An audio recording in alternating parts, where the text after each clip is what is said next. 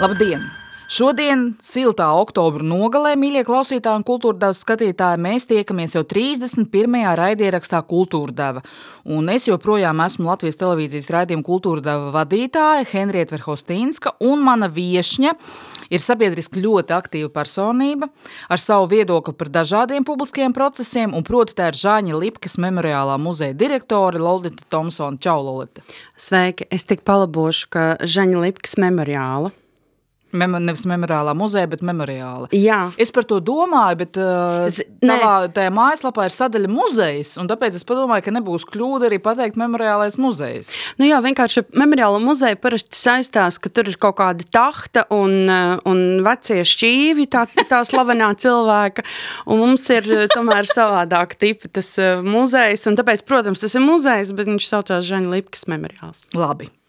Un uh, Lolita ir Lipkas memoriāla vadībā jau deviņus gadus, vai pat vairāk. Cik tad īsti? No ne vadībā es esmu tikai no 2014. gada, es sāku strādāt Astoņus gadus 2017. gada septembra beigās. Nu, tā tad astoņus gadus. Tā tad arī diezgan pamatīgs laiks, bet uh, 90. gados uh, ir tāda um, biogrāfiska detaļa, ka tu esi kalpojusi uh, sirdskaidrs, e, sirdskaidrās Eufrosīnijas pareizticīgo baznīcā Kārsavā. Un par Kārsavu tev ir arī pēdējā laikā bijuši dažādi stāsti. Uh, tur tu palīdzēji slimiem, veciem un pamestiem cilvēkiem, un, un, un tevi es, protams, pazīstu jau krietni sen aizkadrā, kad mēs vēl nebijām personīgi pazīstams, proties lasīt tavas vēstules no Jeruzālēmas Rīgas laikā, jo ir vēl viens fakts Lolits biogrāfijā, kas nav kuram katram, man liekas, latvietim parastajam, proti Lolita ir 14 gadus nodzīvojusi Jeruzālēmē. Tā ir. Tāda lieta. Tu tikko biji uz konferenci Tallinā un rīt jau lidos uz Maršavu, uz Varšavu, tā ļoti starptautiski piesātināta dzīve. Ko darīt Tallinā? Uh, Tallinā bija brīnišķīgs notikums, jo Tallinas brīvdabas muzejs, kas ir jaunāks par mūsējos, svinēja 65 gadus. Un viņi aicināja muzejus, kur viņi ļoti novērtē un grib mācīties, uh, dalīties ar saviem labās prakses piemēriem, ar to, kas notika pandēmijas laikā, kas notiek muzejos tagad. Un uh, mēs bijām Brīvdabas muzejā arī viena svarīga iemesla dēļ, jo Tallinas Brīvdabas muzejs ir atvedis kolhozu ēku. O! To, e, kur dzīvoja tie jaunie speciālisti, tur vienalga skolotājs, slaucējs, agronomi. Un viņi ir izveidojuši ekspozīciju, pārduši to kolhozu ēku, un ir četri dzīvokļi, kuri stāsta Igaunijas arī nu, padomu laiku stāstu, kādi ir 60. gados, kas notiek ar dzīvokļu iedzīvotājiem, 70. gados pārējais posms, kur arī runā par alkoholismu un atkarībām un nabadzību 90. gados, un tad ir tāds jaunais igauņu, tāds 2000. gadu dzīvoklis, ko patiesībā nu, viņi ir tieši paņēmuši viņu kopiju, ko kāda kundze ir, kad viņi privatizēja šo dzīvokli, ko viņi ir izdarījusi ar viņu. Un tu, principā, nonāc četrās dažādās pasaulēs, kad tu apmeklē Kaut kas neiedomājams, jo mūsu brīvdabas muzejs šķiet ir apstājies 19. gadsimtā. Un... Nu, Brīvdabas muzejā jau vispār viņi pārstrādā vēstīju par tādu uh, nu, nacionālo, nacionālas pašapziņas veidošanās, tad romantizētu skatu uz pagātni. Uh, šajā muzejā to arī atrodas aritinātas vates pakas, un cilvēki nezin, kāpēc vajadzēja padomu laikā turēt mājā tādas daudzums ar vati. Un ir visādas tādas sociālās un uh, dzīves nianses, kuras uh, caur tiem priekšmetiem, ko iedzīvotāji paši ir sanesuši, uh, muzejs arī spēja pastāstīt par tiem, kam, protams, tie padomu laiki vispār ir kaut kas miglātītis vai nu šausmas vai, vai vispār kaut kāda neskaidra pagātne. Lolita, vai tu vari pastāstīt uh, tiem mūsu klausītājiem, kas nekad nav ķīpsalā aizgājuši uz brīnišķīgo arhitekta Zaigas Gailes izveidoto Žaņa Lipkas memoriālu, vai Lipkas memoriāls ir par glābējiem, tātad par Žāna Lipki, kas otrā pasaules kara laikā glāba ebrejus, vai arī par ebrejiem? Uh, Muzejs ir veltīts tieši ebreju glābējiem. Uh, Lipkas ģimene tur dzīvoja, memoriāls pats ir uzcelts viņu ābeļdārzā. Ķīpsalā, un uh, to veidoja Māris Gailis uh, kopā ar Augustu Sukutu, kas bija uh, kino arsenāla fóruma vadītājs. un arī Lipki, kura ir Žaņa Lipkas um, nu, sanāk vedekla. Uh, muzejs ir veidots kā absolūti jauna, jauna celtne, memoriāls. Uh, vi, Viktors Jansons, to, kas radīja šī muzeja koncepciju, to veidojas kā tāda kino stāsta. Tur, protams, ir skaņa un uh, noskaņa, un, un tev jāpalaina solis, jo ir tāda pustums, un tas ir tāds labirints, pa kuru maldīties, un kamēr tev pavada audio gida vai gida balss. Jā, vai Lolita. Jā, vai mani kolēģi, jā, tieši tā. Domājot par šo stāstu, par Žāņa Lipkas stāstu un par to stāstu, ko savukārt mūsu sabiedrībai stāstīja cīniņš ap restitūciju, ap, ap tad, tad atlīdzinājumu ebrejiem par otrā pasaules kara laikā materiāli nodarīto, man gribas tev pajautāt, vai Latvijā joprojām dzīvs ir antisemītisms? Nu, diemžēl jā. Um Es domāju, ka lielākā daļa cilvēku ļoti, um, es nezinu, nu, nav viņiem tādu īpašu kaut kādu aizspriedumu vai par, par ebrejiem, bet tas, kas parādījās tad, kad runa bija par restitūciju, un ko arī nācās skaidrot, piemēram, ir bija tas pieņēmums Latvijā, ka visi tie Latvijas ebreji, mūsējie, ir nogalināti, un, protams, 70 tūkstoši lielākā daļa ir nogalināti. Bet ir tie, kurus vismaz pāri pat 200 cilvēkiem, kuri glāba, tie, kuri izdzīvoja nometnēs, tie, kuri uh, devās līdzi bēgļu gaitās evakuācijā ar padomju armiju. Kurus izsūtīja galu galā? Uh, 41. gadā izsūtīti arī ebreji, kuri atgriezās pēc tam Latvijā, tā, tā kopiena ir, protams, daudz eh, eh, daudz dažādāka nekā to var pieņemt. Un arī uh, pēc Latvijas neatkarības atgūšana gandrīz puse no Latvijas ebreju kopienas saņem Latvijas pases. Tas nozīmē, ka viņi ir ar uh, saknēm uh, Latvijā. Tāpēc nu jā, tas pieņēmums, ka pie mums bija tikai tie padomju ebreji, tas arī ir tāds. Nu, tāds, man liekas, tāda nu, diezgan neglīta manipulācija. Un mēs intervējam uh, tos Latvijas ebrejus, kur ir atgriežušies Latvijā pēc dzīves Izrēlā, piemēram.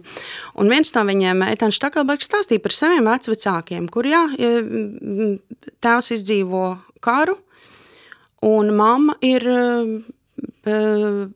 aizmukusi Kijevā, kur notika babījārs un, un, un ebrejas slepkavības. Viņi vairs nav spējīgi tajā pilsētā dzīvot, un viņi brauc uz Rīgu. Skaidrs, ka ir daudz šādas jauktās laulības, un arī tiem ebreju vīriešiem, kur palika dzīvi, viņiem bija jāprecās, nu, tā tradī, tradicionāli viņi precējās ar ebrejietēm, un, diemžēl, eh, ebreju sievietes un bērni bija reizēm bija pirmie, kurus nogalināja, jo viņi nebija izmantojami kā darbspēks. Nu, vienmēr sakot, jā, tās eh, traģiskā vēsture, protams, viņa ir ir, viņa ir nu, Viņa nav vienkārša. Un daļa ebreju apprecēs ar latviešiem, kā mēs to arī zinām, arī šādus piemērus. Un, Uh, kur aug kājas tam antisemītismam? Nu, man šķiet, ka tas ir, nu, ir vairāk, protams, uh, Ir senās tradīcijas, kas ir baznīcas tradīcijas, kurās bija uh, tik izmantota tāda retorika, ka, nu, ka tie ebreji ir vēlna bērni un jēzu nogalinājuši un, un saindē akas un macā liek asinis um, kristīgu bērnu un viss tā, tā mitoloģija, uh, ja tu nezini to citu, Un, viņa, un, un turklāt jums vēl tā vecā derība ir kopīga ar šie, šiem, šiem cilvēkiem. Uh, es domāju, ka tas kristietības, tas uh, centieni nostabilizēties un, un pasludināt sevi kā vienīgo patiesības nesēju, protams, tas atstāja iespaidu. Un tas mainās, nu, vismaz katoļu baznīcā, tas mainās pēc otrā Vatikāna koncila, kad, kad patiesībā notiek milzīgs izlīgums starp, starp ebrejiem vai no ebreju kopienu un jūdejas, jūdu ticīgajiem un katoļiem. Tas, protams, ir mainījies, un es domāju, arī tagad, nu, reti kurš jau nu, izņemot kaut kādus diezgan plānprātīgus cilvēkus, uh, turpina visus vis tos ebrejus ar visām macām un asinīm uh, izplatīt tādas lietas. Nu, bet sazvērstības teorijas par to, ka ebreji ir tie, kas patiesībā valda pār pasauli un, uh, un kas vienmēr palīdz un glābi savējos un pirmām kārtām rūpējas tikai par savējiem, tāds jau ir ļoti joprojām dzīves, manuprāt. Jā, nu, Bet arī to, to var redzēt, ka tas ir tas, ko saka reizēm vecāki cilvēki, vai tie, kur ir eh, īpaši patērējuši kaut kādu antisemītisko literatūru, vai cionas gudro kaut kādas ceļu laiks atcerējumus un tam līdzīgas lietas. Um, jā, bet uh, nu, mēs to nevaram teikt par lielāko daļu Latvijas iedzīvotāju. Man šķiet, ka tieši novados un pilsētās var redzēt, ka cilvēki mēģina aknīstē uzlikt pieminekli aknīstē puscievam, pusnogalinātajam nu, pilsētiņai, kur dzīvoja ebreji. Ir cilvēki, kas iesaistās, tikko mēs lasījām par baldonē, kā masu, masu kapos notiek pārabedīšana. Liepājas, tur, kur vēl joprojām ir ebreji draudz, bet arī liepainieki iesaistās tur šķēdes, tur piemiņas pasākumos un, un, un svecīšu nolikšanā. Reizeknas uh, sinagoga, man liekas, ir tāds brīnišķīgs piemērs, kur notiek jā. arī izrādes. Mans kaimiņš ebrejs, kas notika pilsētu vidē. Kas arī pie mums notika Ķīpstalā, jā, tas bija noslēguma izrāde bija Ķīpstalā. 300 cilvēki bija to apskatīt, jā, tas bija neticami. Bet, man liekas, tās sinagogas atjaunotās Ludzā un Daugavpilī un Reizeknē, patiesībā jau tu redzi arī, kāda bija tā ebreja kopiena pirms tam, uh, Uh, nu, viņi neuzrādījās uz Latvijas vēstures lapusēs, lai viņus nogalinātu. Viņi bija daļa no, daļa no kopienas un, uh, un šeit dzīvoja gan kurzemē, nu, vidzemē nedaudz, bet tomēr cēsīs tikko bija piemiņas pasākums, mākslas, uh, mūzikas, tāds, nu, nezinu, performance mežā. Tu runājot par piemiņas pasākumiem, es arī vienu no organizētājiem 30. Eh, novembrī pie brīvības pieminekļa notiekošajam eh, piemiņas pasākumam par, nu, par godu Rumbulā 1941. gadā nacistu nogalinātajiem ebrejiem. Uh, Kāpēc tev tas ir svarīgi organizēt šo pasākumu pie brīvības pieminekļa Rīgas centrā, tādā visredzamākajā Latvijas vietā? Mm, patiesībā jāsaka, ka tam par iemeslu bija uh, piemiņas pasākums, uz kuru es biju aizbraukusi uh, Babījārā, Kijevā, kas ir milzīgi vienkārši tāda aiza ieplaka, kurā, kurā ir nogalināti man liekas, pāri 700 Tur ir dažādas iedzīvotāju grupas, ne tikai ebreji, un romi, un, un, un, un ukraiņu nacionālisti. Un kas, tur ir vispār tāda, tāda uh, milzīga sāpju ielēja, un uh, Ukraina rīkoja 2016. gadā piemiņas pasākumu 75 gadu kopš Babija ar uh, ebreju slepkavībām. Un, uh, Un tas, kas man pārsteidza, bija, ka visur, ne tikai par radio, bet televīzijā, arī privātos kanālos, bija visur stūrī dega piemiņas svecīta, menora, vai bija rakstīts, ka, uh, ka Babija ir 75 gadu piemiņas datums. Principā visa valsts pieminēja Ukraiņas ebreju nāvi, un uh, bija arī svinīgie pasākumi. Tad es domāju, tas ir skaidrs, ka ebreju kopiena pieņem mežā gadiem to rumbulas uh, notikumu. Bet, um, Varbūt, ka vajadzētu arī tiešām Latvijā, kaut kādā pašā Latvijas sirdī eh, atzī, nu, atzīmēt, pieminēt, eh, jo viņam bija rīdzinieki, tie bija ebreji, kur dzīvoja Rīgā, Latvijā brīvības kauju dalībnieki, daļa no, no pilsētniekiem mūsu vecvecāku uh, paudzes. Uh, Nu, jā, un tad man, man šķita, ka tas būtu svarīgi, bet cilvēks viens, viens tas nestrādā, kā Dainis Ivans teica, vienmēr vajag to otru cilvēku, kas pieceļās blakus, ka tu saki, ka kaut kam jānotiek. Un tad es runāju ar vēsturnieku Kasparu Zēli, un tad pēc tam mēs ar Rītu Rudušu, ar ebreju kopienu, jo nevajag jau taisīt pasākumus, kur tu neiesaisti, vismaz tos, kuriem tas arī attiecas. Un sākumā, protams, bija zināma skepse, par šo, vai tas vispār būs vajadzīgs. Mēs arī diezgan daudz dabūjām pa spurām, tā teikt, sākumā, ka nu, kas, nu, kas te būs, te iet mežā, nu, ejiet mežā pieminēt. Un tā doma bija, jā, bet viņi bija, viņi bija Rīgas daļa, viņi bija rīdzinieki. Viņi nu, varbūt varētu to vienu dienu uh, tieši pie brīvības pieminekļa. Gal galā gan viņi tam piemineklim bija ziedoši, gan viņi viņa garām gājuši. Marģers Vestermans, kurš bija gan Rīgas geto, kurš ir vēsturnieks un izdzīvojis holokaustā, viņš teica, es atceros, ka mums bija jāpaceļ cepuri vienmēr, ka tu ej garām brīvības piemineklim. Un šajā piemiņas pasākumā viņš bija kopā ar savu sievu, un viņš sēdēja un tāds mazliet apraudējis un teica, tas tas, ko es biju gaidījis, no Latvijas sabiedrības visu savu mūžu, un es nezināju, ka man to vajag, un tad, kad tas notiek, tas ir ļoti aizkustinoši, un, un viņš cik kamēr vien varēja, viņš nāca gan katru reizi uz uh, brīvības pieminekļu nolikt svecītes, uh, viņam visu ģimeni nogalināja Rumbulā un brāli biķerniekos. Viņ, viņš ir Frēmanē. Jā, jā, jā, viņš bija ļoti, viņa bija skolas biedra Valentīna Frēmana, un man liekas, ka tas tā deva arī jēgu tam, ka tam ir jānotiek, un arī cilvēki nāk un noliek svecītes. Protams, divi gadi bija pandēmijas laikā, cilvēki tāpat nāca, jo tas bija ārā, nolikt svecīti aiziet. Un es vienmēr pateicos ar visiem brīvprātīgiem, kur nāk un palīdz visu tur nu, sagatavot, lai ir kur tās sveces likt, jo tā ir tomēr kultūras piemineklis, un tur jā, jānoklāj viss ir folija un tā. Jā, tas ir, man liekas, ārkārtīgi svētīgs darbs. Tikpat svētīgs darbs bija tas, ka šī gada februārī saima pieņēma likumu, par kur mēs jau runājām, par labas gribas atlīdzinājumu Latvijas ebreju kopienai, šis atlīdzinājums ir 40 miljoni, bet mēs zinām, ka viegli negāja ar šo atlīdzinājumu, ka bija politiskie spēki, kas ļoti iestājās pret, visvairāk jau nacionālistiski noskaņotie politiskie spēki, Un kā viens no argumentiem bija tas, ka Latvijas ebreju kopienas restitūcijas fonds, kas ir saņēmējis šīs atlīdzības, nepārstāv visus ebrejus, un vai šī nauda nenonāks kaut kādas šauras uh, kopienas daļas rokās. Ko tu uz to varētu teikt? Noteikti, nu, pirmkārt, tie cilvēki, kas tur ir iesaistīti, ja mēs runājam par Dmitriju Krupņikovu, kur tēvs Pēters Krupņikovs profesors, viņi nāk no tie Latvijas e, ebreji, kur, kur šeit dzīvoja arī pēc arī pirms kara, un, un ebreju muzeja vada Iļa Ļenskis, kura uh, vestāvs kurpnieks bija no prēļiem, un, un starp citu arī prēļu muzejā ir neliela ekspozīcija veltīta tieši holokaustam prēļos, un arī memoriāls tur atrodas, un tur ir kurpes izrakts šobrīd no tās masu slepkavību bedres. Un uh, Ilja vēl teica, es nezinu, vai tās ir kurpes, ko man vectēvs ir taisījis vai labojis, jo viņi pēc tam nu, no, nogalināja kā uh, daudz, vai, vai tur tā kopiena dzīvoja diezgan kopā, līdz ar to tu nezini, kuram ir kuras kurpes, uh, kurš kuras ir taisījis, un tas, man liekas, tāds ir tāds ļoti uh, simbolisks uh, um, un es nezinu, tāds tēls. Tā. Bet eh, par, par kopienu runājot, nu skaidrs, ka tur ir eh, dažādi kopienas locekļi, bet man liekas, ka tur ir, eh, tur ir komisija un tur cilvēki, kuri tiek iesaistīti. Es nedomāju, ka uzmanīgā Latvijas nezinu, mediju un, un sabiedrības uzmanības uh, lokā varētu pēkšņi rasties kaut kas tāds, ka uh, kāds kaut ko savāc un, un, un, un aizlaižās. un, jā, tas man liekas, ka nu, neviens tur nu, man nav radies iespējas, ka būtu kaut kāds tāds bezatbildīgs uh, ķēms.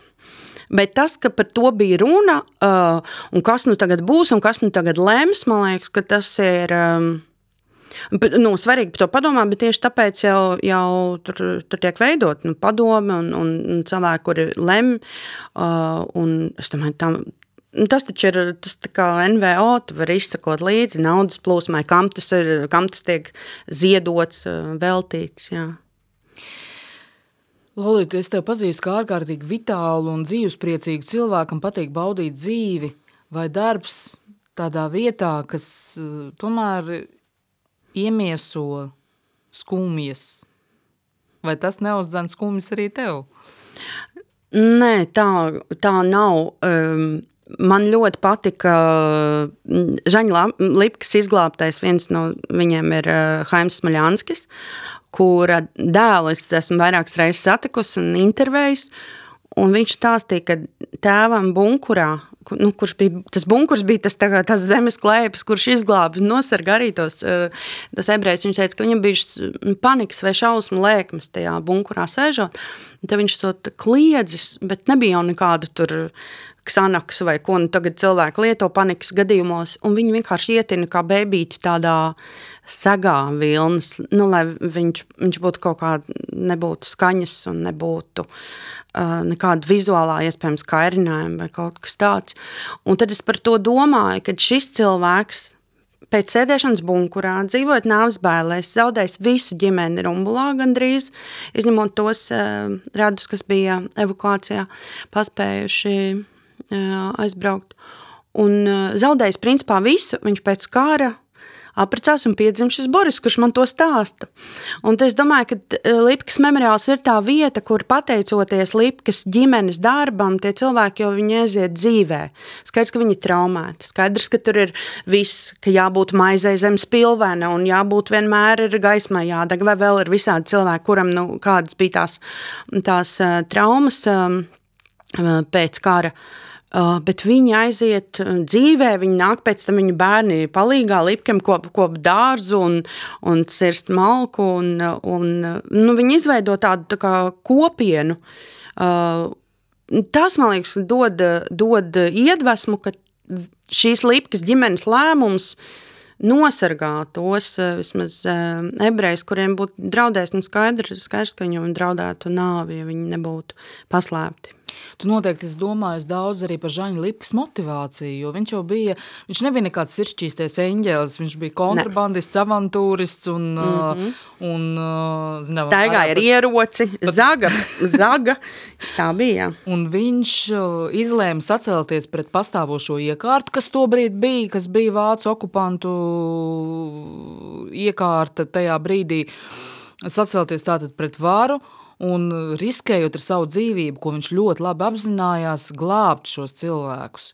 Kā tu domā, un vēl Joāna, kas tam mhm. piekrīt, mm -hmm. kā tu domā, kas, kas bija Lipkas ģimenes tā motivācija? Man liekas, ka viņi viņš jau pats par to nesaka, kāpēc. Viņi vienmēr, gan viņš, gan, gan Žanis Lipke, gan, gan viņa draugs un palīgs Kārlis Jankovičs, viņi viņi jau saka, nu, mēs darījām to, ko vajadzēja, vai nu, mēs darījām. Nu, mēs bijām cilvēki. Nevarējām nedarīt. Jā, viņi neviens nesaka, nu, kāda mēs varam. Lipke pārdzīvo, ka viņš pa mazi darīs. Viņš pēc kara atcerās visas tos, tās lietas, kas viņam neizdevās, ka neizdevās kādu iz, izglābt vai, kādu, vai atrada kādu, kamēr tur slēpjās un viņu gaida. Uh, viņam nebija tāda sajūta, ka nu, es esmu varonis. Un uh, Johana arī, nu, viņa viņa intervijā Hercam Frankam saka, ka, nu, ka mēs nevarējām noskatīties, ka cilvēki sauc maizi, maizi. Mēs vienkārši nevarējām nostīties. Uh, vai tur viņi redzēja, ka tās līķu kaudzes uh, geto, kad ebreji nogalināti vai kaut kādas tādas lietas. Nu jā, viņi nav īsti skaidra tā motivācija, tāpēc, ka, ja, ja mēs izlēmtu, nu, piemēram, tā mēs domājam naudu. Bet uh, ebreji, kur jau bija bijuši geto un badā un spaidu darbos, viņiem nebija vairs nekādas naudas. Un, ja kaut kas bija, tad domāju, tas viss aizgāja melnā tirgū pērkot jebko, ko tur vajadzēja. Nu, labi, Daugavā bija zīves, to, to jau nu gan bija gana, bet uh, viņam arī palīdzēja krauklis, zvejnieks, kas kaimiņš.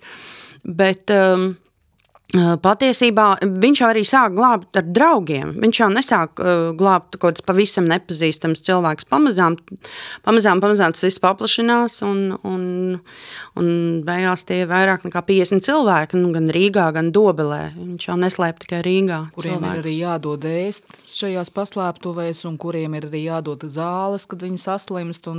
Tur ir tāda milzīga sarežģīta loģistika. Tas jau nav tikai, ka tu vienkārši ierodas zemē cilvēku un aizmirst par viņu uz mēnesi mēnesi. Jā, jā, protams, un ir tas Johannes stāsts, ko viņa bija stāstījusi tā teikt jaunajiem cionistiem, kas bija tādi jau jaunieši ebreji, kas nāca klausīties to stāstus un palīdzēt talkās eh, Lipkas ģimenei. Tie ir jau 80. gadi padomu laika izskaņā, un tad viņi stāstīja uh, Ciļļēns, ka mums stāstīja, ka viņa Johana pieminēja, ka kaimiņi bija pamanījuši, ka viņi pārāk bieži iet uz to malku šķūni, zem kur bija bunkurs. Un viņi teica, nu, ko tu tur staigā tik bieži, un vispār ir daudz bikses arī karājās pagalmā. Un viņa teica, ka uh, cūka viņai tur ir. Jo cūka, protams, visai gaļai bija jāiet, cik nu varēja armijas vajadzībām. Un tad, bet cūka jābaro to savukārt visi zina. Tad viņiem nācās kaut kur melnā tirgu atrast to cūku un nokaut tā, ka kaimiņi, uh, kaimiņi dzird un redz, bet policija nē, jo citādi, nu, citādi būtu atkal kaut kādas nepatikšanas. nepatikšanas. Tu iepazinies ar ebrejiem kā tautu, dzīvodam ilgus gadus Jeruzalemē, vai tur bija arī ebreji ar saknēm Latvijā? Jā, diezgan daudz. Es viņus tā īpaši nemeklēju. Man jāsaka, jo es nezināju, ka es kādreiz strādāšu muzejā, kas ir saistīts ar uh, holokausta piemiņu. Bet tik pa laikam īpaši tur ir pieņemts tad, kad ir bērs. Un sēž to, ko sauc par šīvu, kas ir septiņas nu, zēru dienas, jo mirušos apglabā uzreiz, vai nu tajā pašā dienā, vai nākamās dienas rītā. Tur, un tad viss tas sēru, tā, tālāk tas sērošana ir jau mājās, pagalmā, turpatās, kur cilvēks ir dzīvojis, vai pie bērniem. Un tur ik pa laikam, kad nācās iet uz tādiem bēru, bēru piemiņas pasākumiem, es satiku ebrejus no Latvijas, uh, no Kfārblūma, no, no Telavīvas, vēl, vēl kaut kur. Uh, Un tad sākumā nu, tas ir kā kuram. Reizēm viņam bija diezgan negatīva attieksme pret mani, jo skaidrs, ka es esmu latvieta. Un uh, tad skaidrs, ka mēs esam antisemīti un piedalījāmies ebreju iznīcināšanā. Un ko tad mans vectētiņš darīja?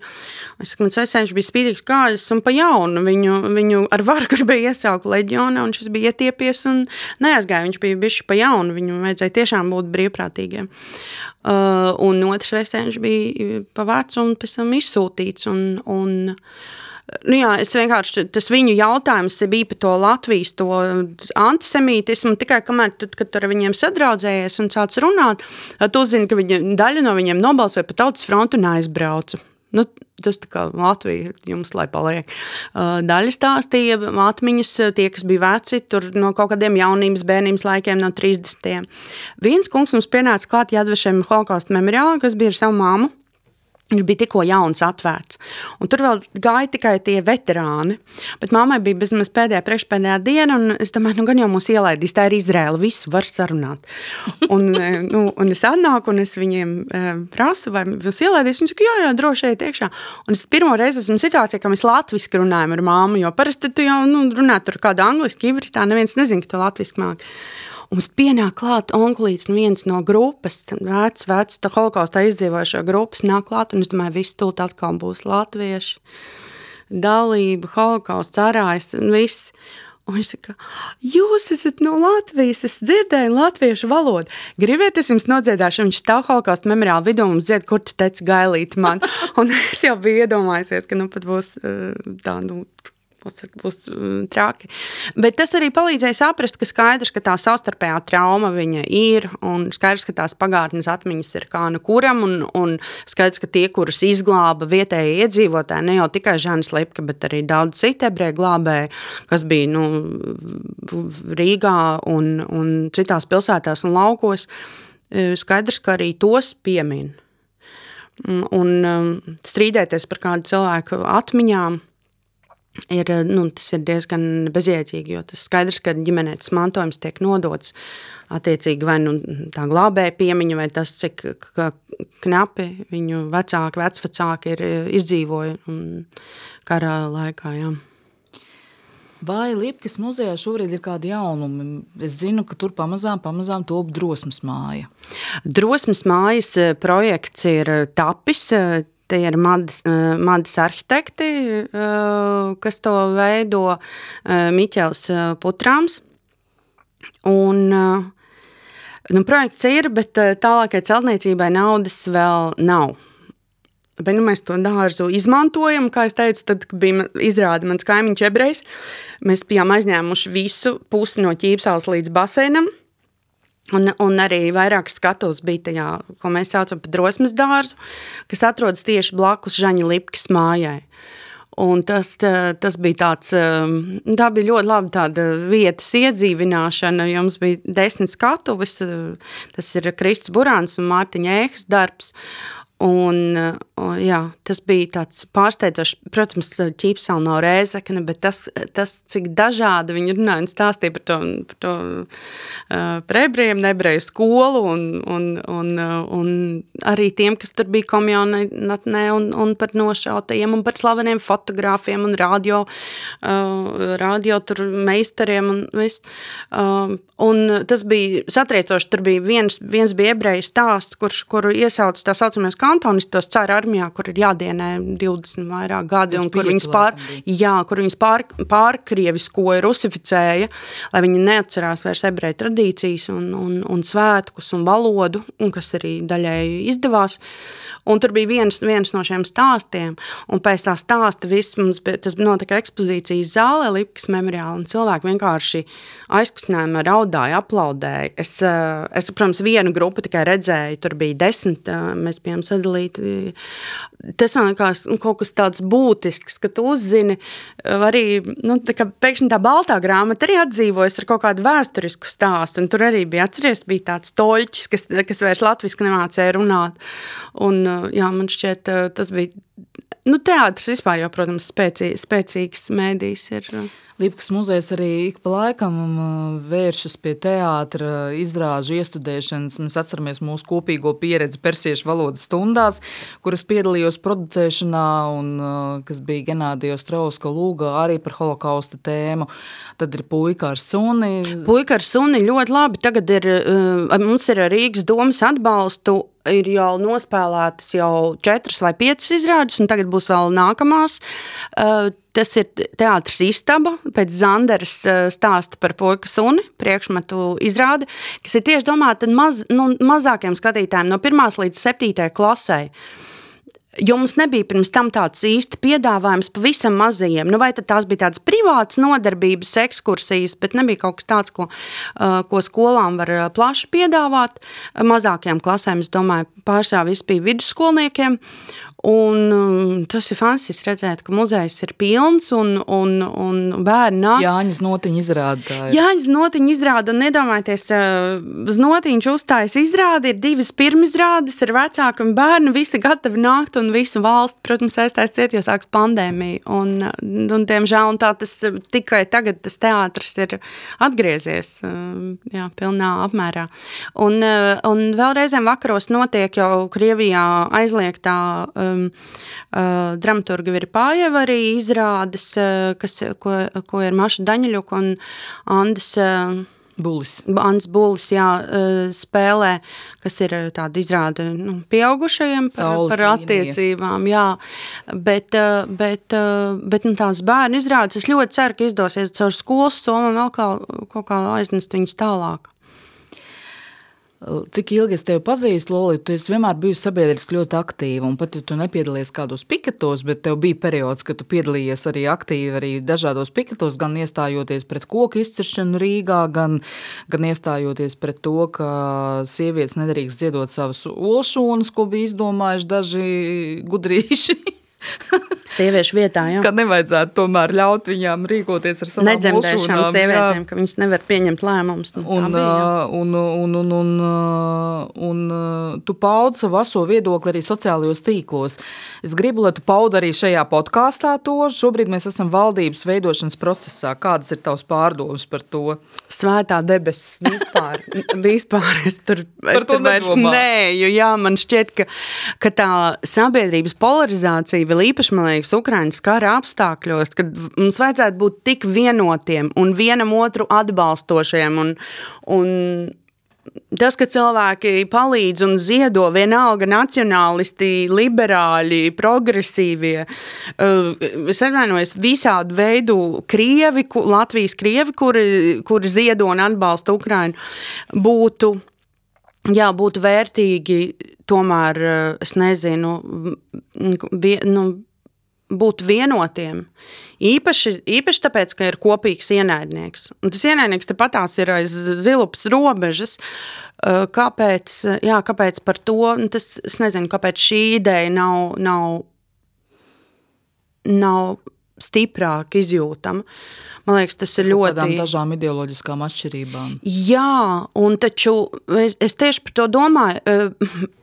Uh, es domāju, ka starp progresīviem ir cilvēki, kas dzied folkloru. Viņi noteikti atrastu daudz kopīgi ar Nacionālās apvienības eh, jauniešiem, vismaz kaut kādā, es nezinu, tur dzimtenes mīlestībā vai, vai latviešu literatūra aizdoms, vai folkloru. vispār atrastu to kopīgo valodu, ka tā ir kaut kāda 50 gadnieku paudze, kas, kas šobrīd ir uzlikusi ķepu visam tam procesam. Nu, man liekas, arī tas ir tā cīņa ir tik liela un sakāpināta par vietu zem tās politiskās saules, un kurš tad būs vadī, valdībā un vadībā, un kurš nē. Un arī man liekas, ka tieši tas pats, kas LGBT jautājums, ko varēja mierīgi atrisināt, vienkārši dodot iespēju reģistrēt to, tos dzīvesbiedru un partneru attiecības, vienkārši nokārtot to juridiski un likties mierā, bet tas ir tāds vēlēšanu, es nezinu, tāds iegums, ka tu vari šķelt cilvēkus tieši, tieši šī iemesla dēļ, ka no tā ir ļoti grūti atteikties. Nu, tā, tā es pieņemu. Un, man arī šķiet, ka sarunā, sarunā mums, man liekas, varētu būt daudz vienkāršāk nekā tas, protams, ir sociālajos mēdījos, ka viss ir daudz, daudz sakāpinātāks. Es, ne, jā, es neko pilnīgi nevarētu pateikt par valdības veidošanu.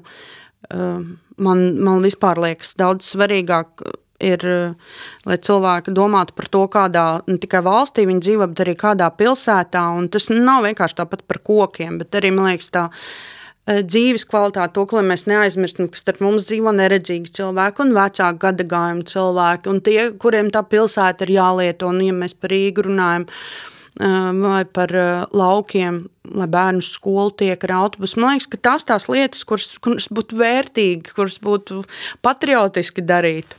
Un man liekas, interesanti arī tā kampaņa, kas bija Satorī, tā pārdefinē to patriotismu. Un tas ir tieši tas, ko es vienmēr saku. Tu zini, ka kultūras nozarē ļoti zemes algas. Tas nozīmē, ka tās bibliotekas, tulkotāji, uh, latviešu valodas skolotāji, muzeja uh, darbinieki. muzeja darbinieki, teātrī tie, kas strādā, ka viņi uh, izstādēs, kuratori, tik daudzi strādā ar tādu misijas apziņu, ka viņi to dara Latvijai. Viņi to tulko, viņi rada saturu Latvijai, viņi taisa filmas Latvijai. Mēs tikko redzējām fantastisko Signas Baumanis filmu, ko es tulkoju latviski, starp citu, no angļu valodas, jo viņa oriģinālā bija um, angļu valodā, jā. Bet tas jau bija pirms cik gadiem, pirms viņi sāka viņu veidot. Uh, jā, man liekas, ka tie, ir, nu, tie arī ir savas zemes patrioti, un pat, jā, jā domas var dalīties, uh, bet uh, man liekas, ka to, tas ir kaut kāds fantastisks, spēcīgs resurss Latvijai, ka tie tādi cilvēki ir. Es atceros, mēs bijām uh, pļaviņās ar, ar ar Žaneti Grendi, ar Ziedoņu muzeju. Viņi rīkoja tādu gājienu Krišānu Baronu no, no Tartu līdz Dundagai. Un katrs gāja to vienu gabaliņu. Un, un, Un mēs gājām no gostiņiem līdz pļaviņām, un tur kā teikt, mīļam bērnam daudz vārdu. Tas, tas ir tur žīdu miests un zarnu miests un glazmanka un, un visi, visi iespējamie nosaukumi tam, tai, tiem gostiņiem ir. Uh, Un um, mēs bijām tur arī ebreju kapos. Un tas, kur tu varēji visus tos uzzināt, ir biblioteka, kur strādā fantastiski cilvēki, kuri iesaka grāmatas. Nu, tā ir pavisam neliela Latvijas vieta, ļoti, ļoti skaista. Aivieksti un, un, un, un skaists skats. Un tur ir tā ebreja iela bijusi, un tur bija pat mēģinājums arī glābt kādas ebrejas, nu, mēs, jo tur, tur daudz dzīvo ebreji. Un tu redzi, ka tāpēc tā vieta arī turās, ka tur ir, es nedomāju, ka bibliotekārē ir liela augums, drīzāk, ka viņai vēl ir jāiekopja dārs un, un jāaudzē, nezinu, kartupeļu vai kāpost, jā. Bet tas, ka tā vieta dzīvo, Un tāpēc man liekas ļoti, ļoti smagi dzirdēt, ka jūrmā vienkārši var aiztaisīt biblioteku, kaut gan šoseju kilometriem apkarināt ar plastmasas puķpodiem, kur ir jālej un jāstād vis kilometriem. Tam nauda ir. Tam, tas vienkārši man liekas tāds, nu, krieviem tāds vārds pakazūha, nu, tāds tā, tāda izrādīšanās ar kaut ar, ar ārējo, biju, nevis ar saturu. Es biju ārkārtīgi pārsteigta par šo Agnes Smiltiņas, kā es saprotu, iniciatīvu, jo es Agnes pazīstu zinu kā tādu ļoti kultūras cilvēku un par, par to, ka viņa kļūs par jūrmālas pilsētas funkcionāri var šādi izdarīties. Tas man bija liels pārsteigums un liels pārdoms par to, kā mainās cilvēki nokļūstot kaut kādos birokrātiskos amatos. Varas pozīcijās, jā, jā. Tu jau nezini arī, kā tie lēmumi ir balstīti, bet, bet īpaši ņemot arī piemērus ārvalstīs, biblioteka jau nav tikai vieta, kur tu paņem grāmatas, tas tieši, ka es saku par arī veltīti gostiņiem, uzzini pilsētas vēsturi, atrodi, ko Blaumanis ir Skroderninas silmečos par gostiņiem uh, rakstījis. Uh, viņa laikam bija kaut kāda Trachtelberģis, neatceros, viņai bija tas vācu nosaukums tur. Un ko tur Zāra, Zāra Joska sola, un tas viss ir, viss vis tā vieta pieminēta. Un viņi to parāda par to, kas, kas, kas tur ir noticis. Un jā, man šķiet, ka tas, nu, tas par to ir ļoti sāpīgi, ka šādas kultūra vietas tiek likvidētas, nesaprotam, kāpēc. Bet arī jūrmalā, kur ir eh, daudz eh, cilvēku, tas nav kaut kāds izmirs miests, kur aiztaisīt cūku fermu un nu, viss beidzies, viss slēdz durvis un iet mājās. Ja? Bet eh, tā taču ir vieta, kurā arī turklāt vasarās cilvēki brauc un turp šurpu un, un ir atpūtnieki jā, un vietēji iedzīvotāji. Es, nezinu, es bērnībā dzīvoju Majoros pie Lielpas līdz kaut kādai trešajai klasē, tam viņa tāda palikusi tāda bērnības vieta. Un mēs gan gājām uz biblioteku ņemt grāmatas, jo kaut kas es bija jās. Es eju uz biblioteku. Man ir šampēterī, man pašas iecienīta maza biblioteka, ķieģeļu mājas pirmajā stāvā, un es tur diezgan regulāri iestaigāju. Jā, nu, es vienkārši par to, ja mēs runājam par nacionālām vērtībām un patriotismu, tad nu, kāpēc tad Latvija pastāv? Tieši tāpēc, lai ir gan tā latviešu literatūra un valoda, un tie cilvēki, kas kultūru kopj, un jā, un viņiem var būt dažādi uzskati, un viņiem var būt dažādi uzskati eh, par, eh, es nezinu, par eh, LGBT, un par to, kā būtu jāattīstas mūsu valstī. Un šajā gadījumā es atceros vienu Jāņa Iesalnieka tvītu, kur viņš iesaistījies diskusijā Twitterī, pauda, ka attīstības valstis var būt arī konservatīvas, un kā piemēram minēja Poliju un Singapūru. Vai tu spēji iztēloties sevi dzīvojumu šādā konservatīvā valstī, kur, kur aizliedz abortus, kur uh, kur uh, prese tiek pakļauta kaut kādai zināmai cenzūrai. Nu, ar Poliju man liekas, tā, ka Polijā vēl ir tas, kas viņus atšķir no Ungārijas. Polijā vēl ir brīva prese. Tur, protams, ir visādas problēmas, bet man ļoti daudz ir tieši caur muzejiem, caur Poliju muzejiem. Ļoti daudz ir poļu pazīstami, ar kuriem visu laiku sanāk satikties. Un es biju esmu gan Žežuvā, gan Krakovā, gan Aušvicā, Osvencimā pagājušajā gadā. Un, un nu, visu laiku tagad braukšu uz Varšavu. Um, un uh, Polijā patiesībā Vroslava ir universitātes pilsēta, tur nav tā, ka valda viena partija un viens uzskats. Arī es atvainojos sieviešu gājienā, kas bija pret uh, to, ka ir totāls šis abortu aizliegums. Tur kaut 3 miljoni cilvēku izgāja dažādās pilsētās, nu sievietes pārsvarā, bet uh, tas ir tomēr milzīgs spēks, ar kuru nevar nerēķināties. Skaidrs, ka nu, Tur, uh, tur ir dažādi, bet, teiksim, polijas teātris, tie, kas var un tie, kas spēj, nu, viņš ir ļoti, uh, nezinu, sociāli aktīvs, radošs, pārsteidzošs. Uh, ar poļu filmas ir ļoti dažādas. Man liekas, ka tas ir. Jā, tā ir liela un sarežģīta valsts. Viņa nav viengabalaina. Pat, pat prezidenta vēlēšanās mēs redzējām, cik maz atšķīrās balsis vienam, vienam prezidenta kandidātam no otra. Jā, es par, to, par Poliju Ungārijā tas, tā situācija daudz, eh, viņi jau bija, es biju tur 16. gadā, un tad jau bija atlaisti muzeju vadības, eh, galeriju, universitātēs, viss vis tiesu sistēma, viss vienkārši viss tika piramidāli no augšas eh, nomainīts, lai, lai patiesībā demokrātiskās institūcijas iznīcinātu, un, un, un tas arī noticis, un mēs tagad redzam arī rezultātu tam visam. Tāpēc, man liekas, demokrātiskie institūti un tiesas neatkarīgās, tas ir ļoti svarīgi svarīgi viņus pasargāt arī. Un tam ir tieši saistība arī ar muzejiem un kultūras institūcijām. Nu, es nezinu, lai cilvēki varētu būt brīvi. Runājot par tiesām, mūsu satversmes tiesa pagājušo gadu atzina, ka mm, Stambulas uh, konvencija atbilst satversmei, ka Stambulas konvencijas normas, un īpaši tur uh, tā viena norma atbilst satversmei, un tostarp arī pat satversmes preambulai, par kuru var diskutēt. Un, līdz ar to ir tik daudz mītu par šo Stambulas konvenciju. Es pat esmu veidojis par to vismaz divus kultūras šokus, un mana kolēģe Gunta Gaida Māviča arī vismaz divus.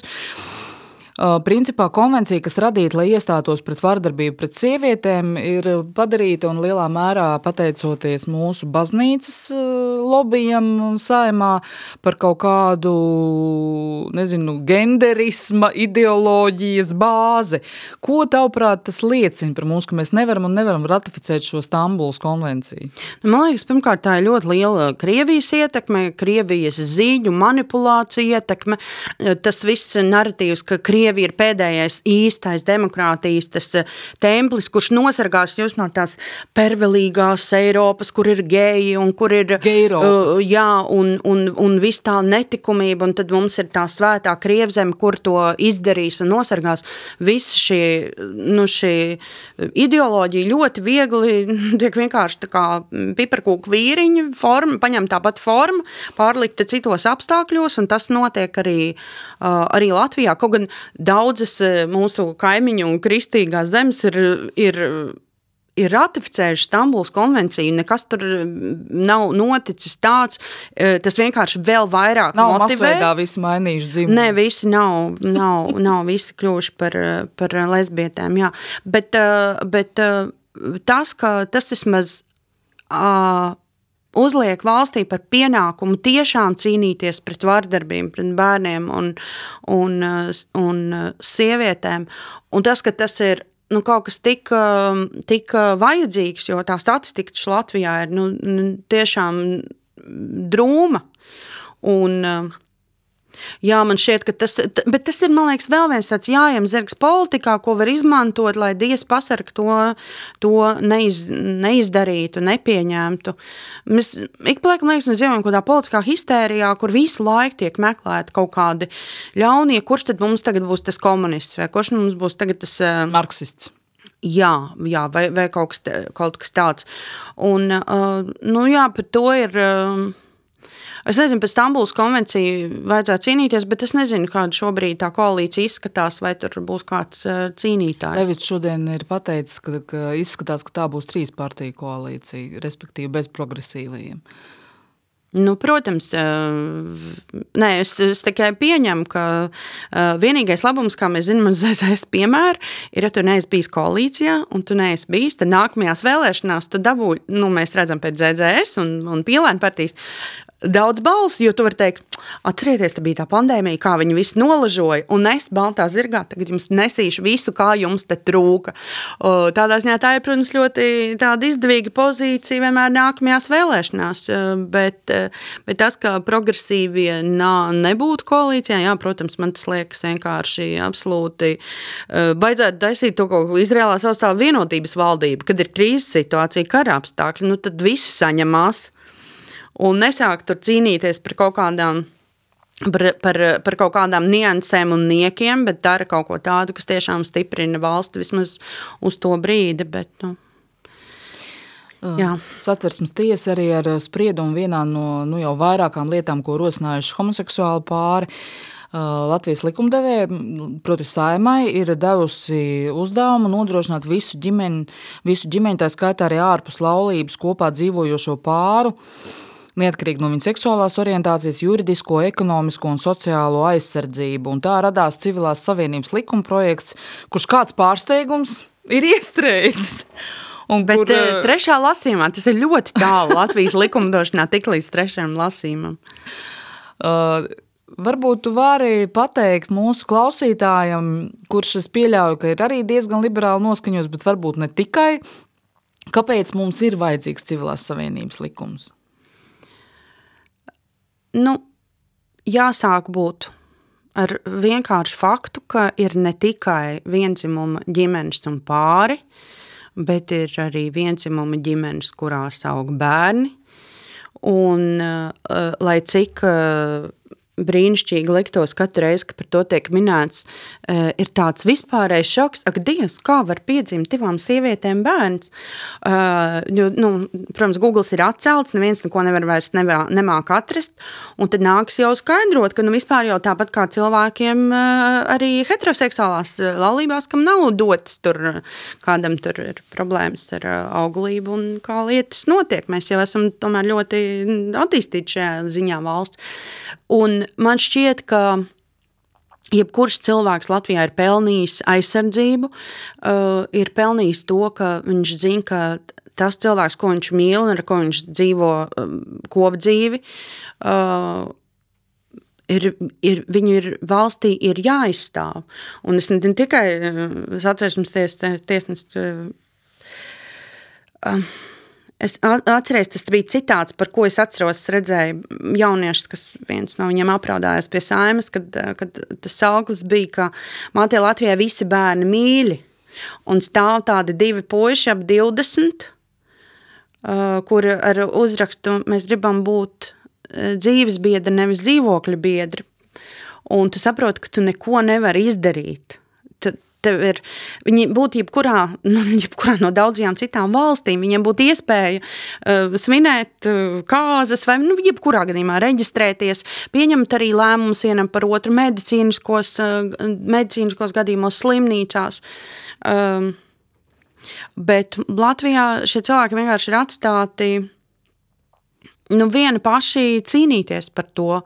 Man visšausmīgākā liekas, godīgi sakot, tieši situācija ar bērniem, jo bērns, kas ir uzaudzis ar divām mamām, un es tādus pārus zinu, nu, vismaz piecus, un es zinu arī pāri, kur divi vīrieši audzina kopā bērnu, un, un, Un ka, ja kaut kas notiek tam bioloģiskajam vecākam, kurš ir bioloģiskais šī bērna vecāks, tad tam otram nav pilnīgi nekāda tiesība. Ja viņi nav nokārtojuši ārkārtīgi sarežģītu adopcijas procedūru, kas kas uh, īstenībā uh, ir diezgan maz iespējami, jo viņiem nav, nav tās juridiskās attiecības, uz kā pamata viņi varētu šo adopciju veikt, un tad, uh, un tad tas bērns paliek tikai uz radinieku atbildības, vai viņi akceptē to, ka, ja notiek kaut kas tam bioloģiskajam vecākam, ka tas bērns paliek ar šo otru vecāku, vai viņi to neakceptē, un radinieki arī mēdz būt visādi, viņi var to arī neakceptē. Mēs vienmēr domājam arī par tādiem jauniem, visādiem tādiem uh, krāsainiem cilvēkiem, cilvēkiem, kuri tādi visi tādi, ah, mēs tagad esam piederam šai LGBT kopienai. Lielākā daļa no šiem cilvēkiem ir absolūti, es atvainojos, garlaicīgi. Jan Jernausks man ienīdīs par šo, te, šo teicienu, jo viņi katreiz... Viņa galīgi nav garlaicīgi. Jā, jā, es katreiz, kad saku, nu, saprotu, viņi ir norūpējušies par vakariņām, mājas darbiem, tieši tāpat kā uh, viņi grābi lapas dārzā, tieši jā, tāpat, jā. ir uh, tikpat, uh, nu labi, aizraujoši vai garlaicīgi, kā, kā mēs visi pārējie. Un Un, uh, un man tas šķiet, pirmkārt, tik, tik ļoti netaisnīgi. Īpaši tāpēc, ka lielākā daļa pasaules jau ir atradusi iespēju, ja vismaz ne laulāt šos pārus, tad, tad reģistrēt viņu kopdzīvi un dot viņiem tiesisku aizstāvību. Un kad tu redzi tos cilvēkus, kas tur sanāk un piketē, un tu redzi to viņu situāciju no savas nosīt privileģētās pozīcijas, ka tu vari uh, precēties un vari šķirties, un vari precēties un šķirties vēl vairākas reizes, un tas ir viss ok. Tikai dievs pasarg, lai, lai, lai tu neiemīlētu kādu, kas ir tava paša dzimuma. Un man tas šķiet, teik, tik, nu, savā ziņā ļoti skumji uh, Latvijas apstākļos, uh, kur tāpatās jau uh, to cilvēku nemaz nav tik daudz, lai mēs vēl atļautu, uh, jums kaut kas nepatīk, vācieties prom. Vieniem mēs sakām stacija Krievija, otriem mēs sakam brauciet uz tām savām sapuvušām rietumvalstīm, un ar kādu domu, kas, kas būs tie, kas te paliek, kaut kādi tādi tīraģņi, uh, un, un nu jā, Un mēs arī daudz zinām, kur ir aizbraukuši mm, prom Diemžēl, tieši šīs tiesiskās sistēmas dēļ. Tu pieminēji arī staciju Krieviju. Šobrīd briesmīgā kara Ukrainā klātbūtne ir aktivizējusi vienu citu lietu, uz ko man ir brīžam bail skatīties. Tā ir tāda leģitimizējusi naidu pret visu krievisko un arī pret Latvijas krieviem no latviešu puses. Un, un tā, tā man šķiet ārkārtīgi biedējoša tendence. Un, uh, būdam puskrievietis, uz to arī raugos ar lielām sāpēm, jo man puse radinieku ir tātad no šīs krievu valodīgās kopienas.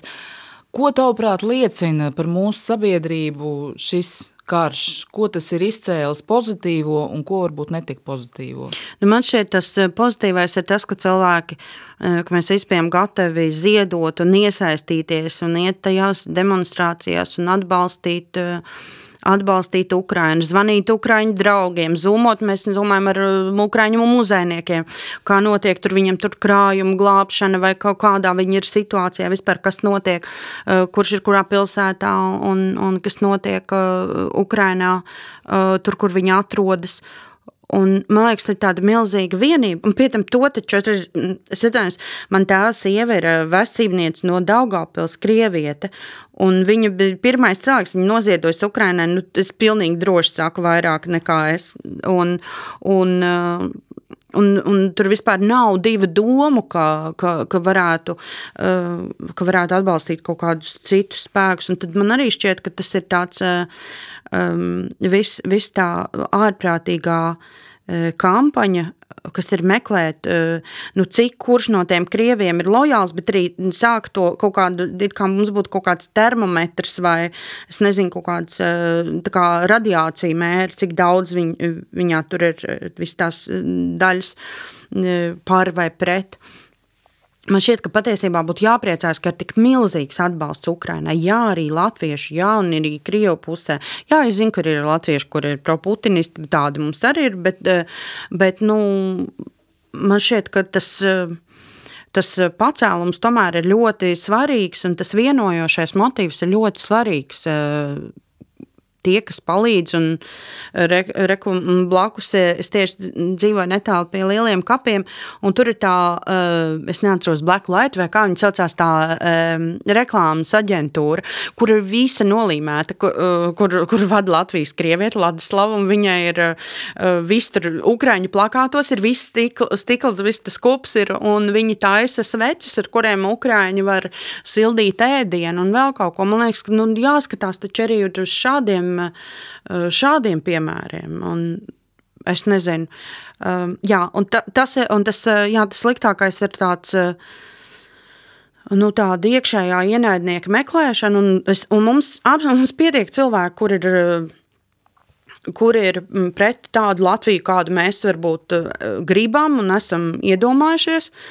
Un mēs redzam, kādi panākumi dažām no partijām eh, vēlēšanās. Es domāju, nu, piemēram, tā Rošļikova stabilitāte, kur ir iekšā, kur mm, ir, nu, nezinu, jāsaka, saskaņas radikālais spārns iespējams, bet uh, mums pietiek Mums pietiek uh, cilvēku, kur, kur, kuriem jau būtu jāizsaka nosodījums, tāpēc ka viņi, viņi ir kaut kādi pro-putinisti vai viņi ir, viņi ir uh, visi tādi, ai, mēs nezinām, nu, kur, kurā pusē ir patiesība. Neviens jau mums Mājas patiesību briedis. nestāsta. Jā, jā, mums es, es tādas pazīstu, kur tā kā nav jau zināms mēdī, tur jau mums klusē, tas klausījos to un to. Mums viss nav tik viennozīmīgi. Viss nav viennozīmīgi, ka tev vēl jāsāk šķirot vēl kaut kādu Latviju Latvijas, eh, Latvijas eh, krievi, tie, kur tiešām arī atbalsta. Jā, bet tas, man liekas, ir absolūti leģitimizējis tādu brīv, brīvo plūsmu ar eh, tādu mm, naidas traumēm. Bet es ceru, ka nu, mēs taču esam gan pieauguši. Es domāju, ka tas pāries. Visi, visi ir vienkārši tādā, milzīgā sakāpinājumā. Es, es ļoti ceru, ka tas, tas norimsies, tās ienaidnieku meklējumi kaut kāds. Es arī ļoti uz to ceru. Vai tu jūties atvieglota, kad nogāzi pieminieku uzvaras parkā? Nē, bet eh, tā ir ļoti ne, nevisai populāra doma. Es uzskatīju, ka zvaigznes jāiedod ir muzejam. Jāsaglabā, kā, kāds bija tā okupācijas laika Nevis kaut kāds relikvija un svēta svēt vieta, bet uh, kā tas vizuāli izskatījās, tas, li, tas uh, lielums viņu vai kaut mm. kas tāds. Es domāju, ka uh, vēstures muzejā. Domā okupācijas muzejām.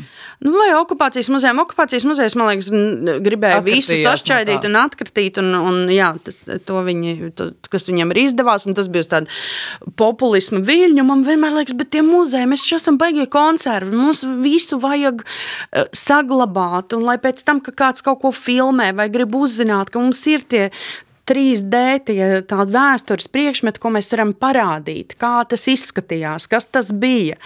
Uh, bet, nu, protams, tie, tie kara apstākļi un, un tas, ka tas, uh, to pieminiektu vajadzēja uh, tik vizuāli tur uzspridzināt, nu, mēs nedēļu visi bija laimīgi, un tagad es ceru, pārdaugos iedzīvotājs pirms vēl daži laimīgi, bet man ļoti žēl ir, ka netika saglabātas arī tādas, nu, tās vēsturiskās liecības, un skaidrs, ka viņi nezināja, ko darīt ar visiem tiem māti, kurai tur bērns joprojām, starp citu, palicis, kas ir diezgan simboliski. Tā skulptora gulbja, man liekas, vai arhitekts viņš ir. Viņa tas bebītis, kas bija jābūt mātes rokās, tas joprojām ir dzīves darbnīcā. Un tā māte, kas viņu turēja rokā, tur viss ir, viss ir saspridzināts. Un, jā, es nezinu, man liekas, ka tas ir tomēr ir arī tāda draņķīga un, un smaga un nesena vēsture. Man šķiet, ka vai, vajag atstāt tādas liecības arī kā brīdinājumu, arī kā tādu vēstījumu. Bet, eh, jā, par pieminiektu man jāsaka, tur, tur lēma vairākums, un ja jau domas vairākums un, un Latvijas vairākums bija lēms, tas pieminekts ir eh, bīstama vieta, kas rada kaut kādu kultu tur 9. māju. Nu, tāpēc, eh, tāpēc arī viņa nav. Nu, mēs dzīvojam demokrātijā.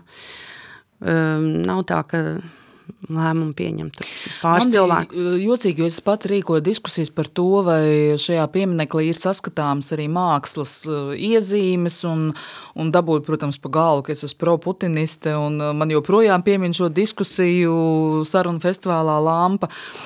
Bet tad, kad tas notika, es godīgi sakot, sajūtu atvieglojumu. Es domāju, vismaz viens kaut kāds strīdus akmens, nemitīgās šķelšanās vieta, viss nav, mēs uzelpojam, mēs kaut ko būvēsim no jauna, bet es tiešām nebiju aizdomājusies par to aspektu, par kuru tur runā, ka vajadzēja kaut kādas detaļas saglabāt vienkārši tīri kā relikvijas, kā, kā kaut kādas uh, Nu, es nezinu, vai var lietot vārdu vērtības šai gadījumā, bet droši vien, ka var lietot. Man liekas, tas bija fantastisks piemineklis eh, padomju kolaboracionismam. Ne jau tur nevienu nepiespied ne no tiem arhitektiem, ne no tiem skulptoriem. Uh, piedalīties šī, arhi, eh, šī pieminiekļa veidošanā. Viņi taču paši gribēja un paši piedalījās. Un, eh, un ja tīri estētiski skatās, tad tie četri kara gadi, kas tām zvaigznēm tur bija, tas man likās tāds interesants, tas eh, risinājums. Labi, tas paliek, paliek um, fotografijās, bet, bet es saku, man bija žēl, ka nepaliek kaut kādas eh, tādas eh, liecības, eh, kuras es arī, es atvainojos arī no nacistu laika, mēs ejam uz muzejiem un skatāmies, kā tas izskatījās, kas bija reāli, ka tas bija aptaustām, tās nav kaut kādas bildes, ar kurām var manipulēt. Jā, par, par to man bija žēl tāds absolūts Es to varu saprast, tāpēc, ka nu, tās emocijas, protams, bija ļoti sakāpinātas, bet um, Nu jā, un, un saprotu, ka arī dīķi ar tām zivīm nevarēja atstāt, jo tā tur metīs neļķis un vainagus, un mēs neesam šobrīd situācijā, ka mēs varam pieņemt. Man gandrīz uz vairāk žēl, jo viņš bija skaists. Uh, Ervīnam Vardam tagad Rīgas laikā vesels raksts par to, kas notika ar zivīm no tā, no tā, no tā basēna, kas man liekas, nu vēl par to gan neviens gandrīz laikam neaizdomājās, tad, kad tika plānota pieminekļa iznīcināšana. Nu, jā, tas ir eh, tāds saprotams, eh, saprotams, eh, saprotams žests, bet jā, nu, es uzskatu, varēja izdarīt liecības.